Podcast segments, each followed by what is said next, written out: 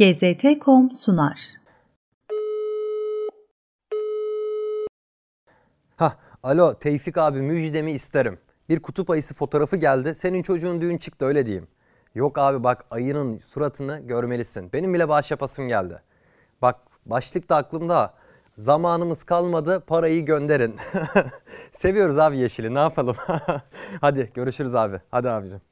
Geçtiğimiz bölümde iklim değişikliği konusunda dillendirilen en popüler 5 yanlış bilgiyi anlattım. Bir yerde sistematik şekilde yanlış bilgiler yayılıyorsa orada mutlaka bundan çıkar sağlayan da birileri mevcuttur. Öyleyse iklim değişikliği konusunda yanlış bilgilerle ülkeler ve kamuoyu üzerinde kasıtlı şekilde baskı kuranlar kimler ve bu konudan ne çıkar sağlıyorlar? İklim değişikliği konusunu daha iyi kavramamız için konuyu oluşturanları 3 gruba ayırmamız gerekiyor. Bu gruplardan ilki Avrupa Birliği kurumlarından olan İklim Değişikliği Paneli'nin ya da kısa ismiyle IPCC'nin bilim insanları. Bu gruptaki bilim insanlarına göre iklimde yaşanan değişimin başlıca sebebi insanların fosil yakıt kullanıyor olması. Yani petrol, kömür ya da doğalgaz. Bu yakıtların kullanımı sonucu ortaya karbondioksit çıkıyor ve çıkan bu karbondioksit atmosferi tehlikeli düzeyde ısıtıyor. İkinci grup fosil yakıt kullanımının iklim değişimindeki payını çok büyük bir problem olarak görmeyen bilim insanlarından oluşuyor. Bu kişilere göre dünya bir ısınma periyodu içinde ve ancak 1960'larda yaygınlaşmaya başlamış olan fosil yakıt kullanımının bu ısınmadaki payı göz ardı edilebilecek kadar küçük. Bu bilim adamlarına göre 60 yıllık bir zaman dilimindeki ısınmayı fosil yakıt kullanımına bağlamak bilimsel olarak mümkün değil. Üstelik de fosil yakıt kullanımının artmasına rağmen dünyanın sıcaklık artış hızı giderek düşmekte. Daha önceki içeriklerimde bahsettiğim Richard Wilson, Princeton Üniversitesi'nden William Hepper ve Freeman Dyson bu bilim insanlarından. Son olarak üçüncü grupsa dünyanın sonunun çok yakın olduğunu söyleyerek büyük bir alarmın içine girmemizi savunan STK aktivistleri, siyasetçiler ve medya figürlerinden oluşmakta. Bu grup iklim değişikliğiyle ilgili yanlış bilgilerin büyük oranda kaynağını oluşturmakta. Bilim insanlarından oluşan ilk iki grup yani insan kaynaklı iklim değişikliğini savunan bilim insanlarının ve şüpheci bilim insanlarının tartışmasız şekilde üzerine hemfikir olduğu 5 gerçek var. Bu 5 gerçek de iklim değişikliği hakkında bilimin söylediği 5 gerçeği oluşturuyor. 1. İklim her zaman değişiyordu, şu anda da değişiyor ve gelecekte de değişecek. 2. Karbondioksit hayatın devamlılığını sağlayan yararlı bir sera gazıdır. Kontrolsüz ve fazla salınımı lokal sorunlar doğurabilir ancak bu karbondioksite bir şeytan yapmaz. 3. 19. yüzyılda sona eren küçük buzul çağından beri atmosferdeki karbondioksit miktarı artmakta. 4. Geçtiğimiz 200 yılda yeryüzündeki sıcaklık 1 derece arttı.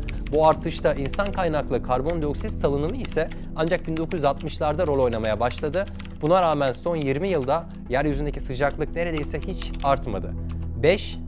İklimi belirleyen sistemin karmaşıklığından ötürü dünyanın en güçlü bilgisayarlarına erişilebilen tüm veriler yüklense dahi iklimin gelecekte nasıl olacağıyla ilgili kesin bir yargıya varmak mümkün değil.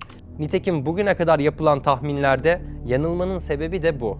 İklimin değişmesi doğal ve öngörülemez bir süreç. Bu beş gerçekle birlikte iki grup da fosil yakıt kullanımının katastrofikik bir felakete yol açacağını düşünmüyor. Bununla birlikte mevcut küresel ısınmadaki artışın insan kaynaklı olduğunu gösteren resmileşmiş hiçbir çalışma yok. Tam tersine Finlandiya'da bulunan Turk Üniversitesi'nde yapılan bir çalışma geçtiğimiz yüzyılda küresel ısınmadaki artışta insanın payının sadece %1 olduğunu ortaya koydu.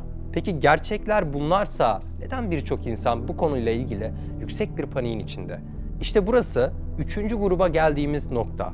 Bir kesim politikacı, çevreci ve medya. İnsan kaynaklı küresel iklim değişikliği anlatısı bu üç gruba da en çok istedikleri şeyleri veriyor. Grubu oluşturan siyasetçiler bu tartışmadan para ve politik güç elde ediyor. Çevreciler organizasyonları genişletecek para ve modern tarikat benzeri yapıları için bağlılık motivasyonu. Medya ise ideoloji, para ve manşet elde ediyor. Paranın ortak nokta olduğu bu grup Tam da bu sebepten dolayı gittikçe daha fazla şekilde sivilceden Suriye iç savaşına kadar her şeyi küresel ısınmaya bağlayarak bu konuyu dünyanın merkez konularından biri haline getirdi. Son zamanlarda Bill Gates, Greta Thunberg gibi isimlerin yüzü olduğu bu grup milyar dolar değil, trilyon dolarlarla ölçülen bir sektöre dönüşmüş durumda. İlaç, teknoloji, petrol gibi büyüklüğü konuşulan sektörlerin hiçbiri büyük yeşil diyebileceğimiz bu grubun oluşturduğu sektörün boyutuna erişemiyor yanından dahi geçemiyor. Bu sektörü besleyen para havuzunda şirketler çok önemli bir yer tutuyor.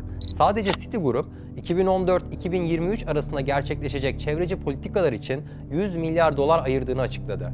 Şirketlerin toplam bağışları trilyon dolarları buluyor ancak esas para Büyük Yeşil'le birlikte hareket eden hükümetlerden geliyor. Obama yönetimi yalnızca 2009 tarihli Amerikan Kurtarma ve Yeniden Yatırım Yasası uyarınca çevreci politikalar için 110 milyar dolardan fazla harcanması talimatını verdi. Amerika'da demokratların sürdüreceği yeni yeşil düzenleme adıyla anılan politika için hesaplanan minimum toplam maliyet ise 52 trilyon dolar. Bu paradan yenilenebilir enerjiye pay ayrılsa da büyük bir bütçe de sivil toplum kuruluşlarına yönlendiriliyor. Greenpeace'in 2019'da yayınladığı rapor finansal varlığının 100 milyon doları aştığını gösterdi. Aynı yıl bir başka çevreci sivil toplum kuruluşu olan Nature Conservancy 100 milyon doları aşan finansal geliri ve 1 trilyonu aşan brüt gelirleri raporladı. Bir başka sivil toplum kuruluşu olan World Wildlife Fond'un 2018'de belirlediği finansal varlığı 300 milyar doların üzerinde. Sierra Club'ın Aralık 2019 raporu ise toplam varlığının 200 milyon dolardan fazla olduğunu ortaya çıkardı. Oluşan bu sektörün büyüklüğü, iklim değişikliğiyle ilgili yanlış bilgilerin doğrulardan nasıl daha hızlı yayıldığını ortaya koyuyor. Bu grubun arkasına aldığı finans gücü bilimin sesini gittikçe daha kısık hale getirirken korku, paranoya, felaket ve kıyamet senaryoları gibi bilimin desteklemediği ancak kamuoyunu harekete geçiren propagandaların sesini her geçen gün biraz daha açıyor. Dünyamızın iklimi değişiyor. Son 200 yıllık ısınma periyoduna göre yavaş yavaş ısınıyor. Isınmaya devam ederse uzak gelecekte ciddi çevresel sorunlara neden olabilir. Sanayileşme muhtemelen bu ısınma sürecinde rol oynuyor.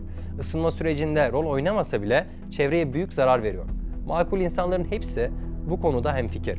Ancak öyle görünüyor ki bu konuyu devasa bir sektöre çevirmiş olanların, bu sektörü beslemek için gün aşırı yanlış bilgi üretip yayanların makul olmak gibi bir kaygısı yok.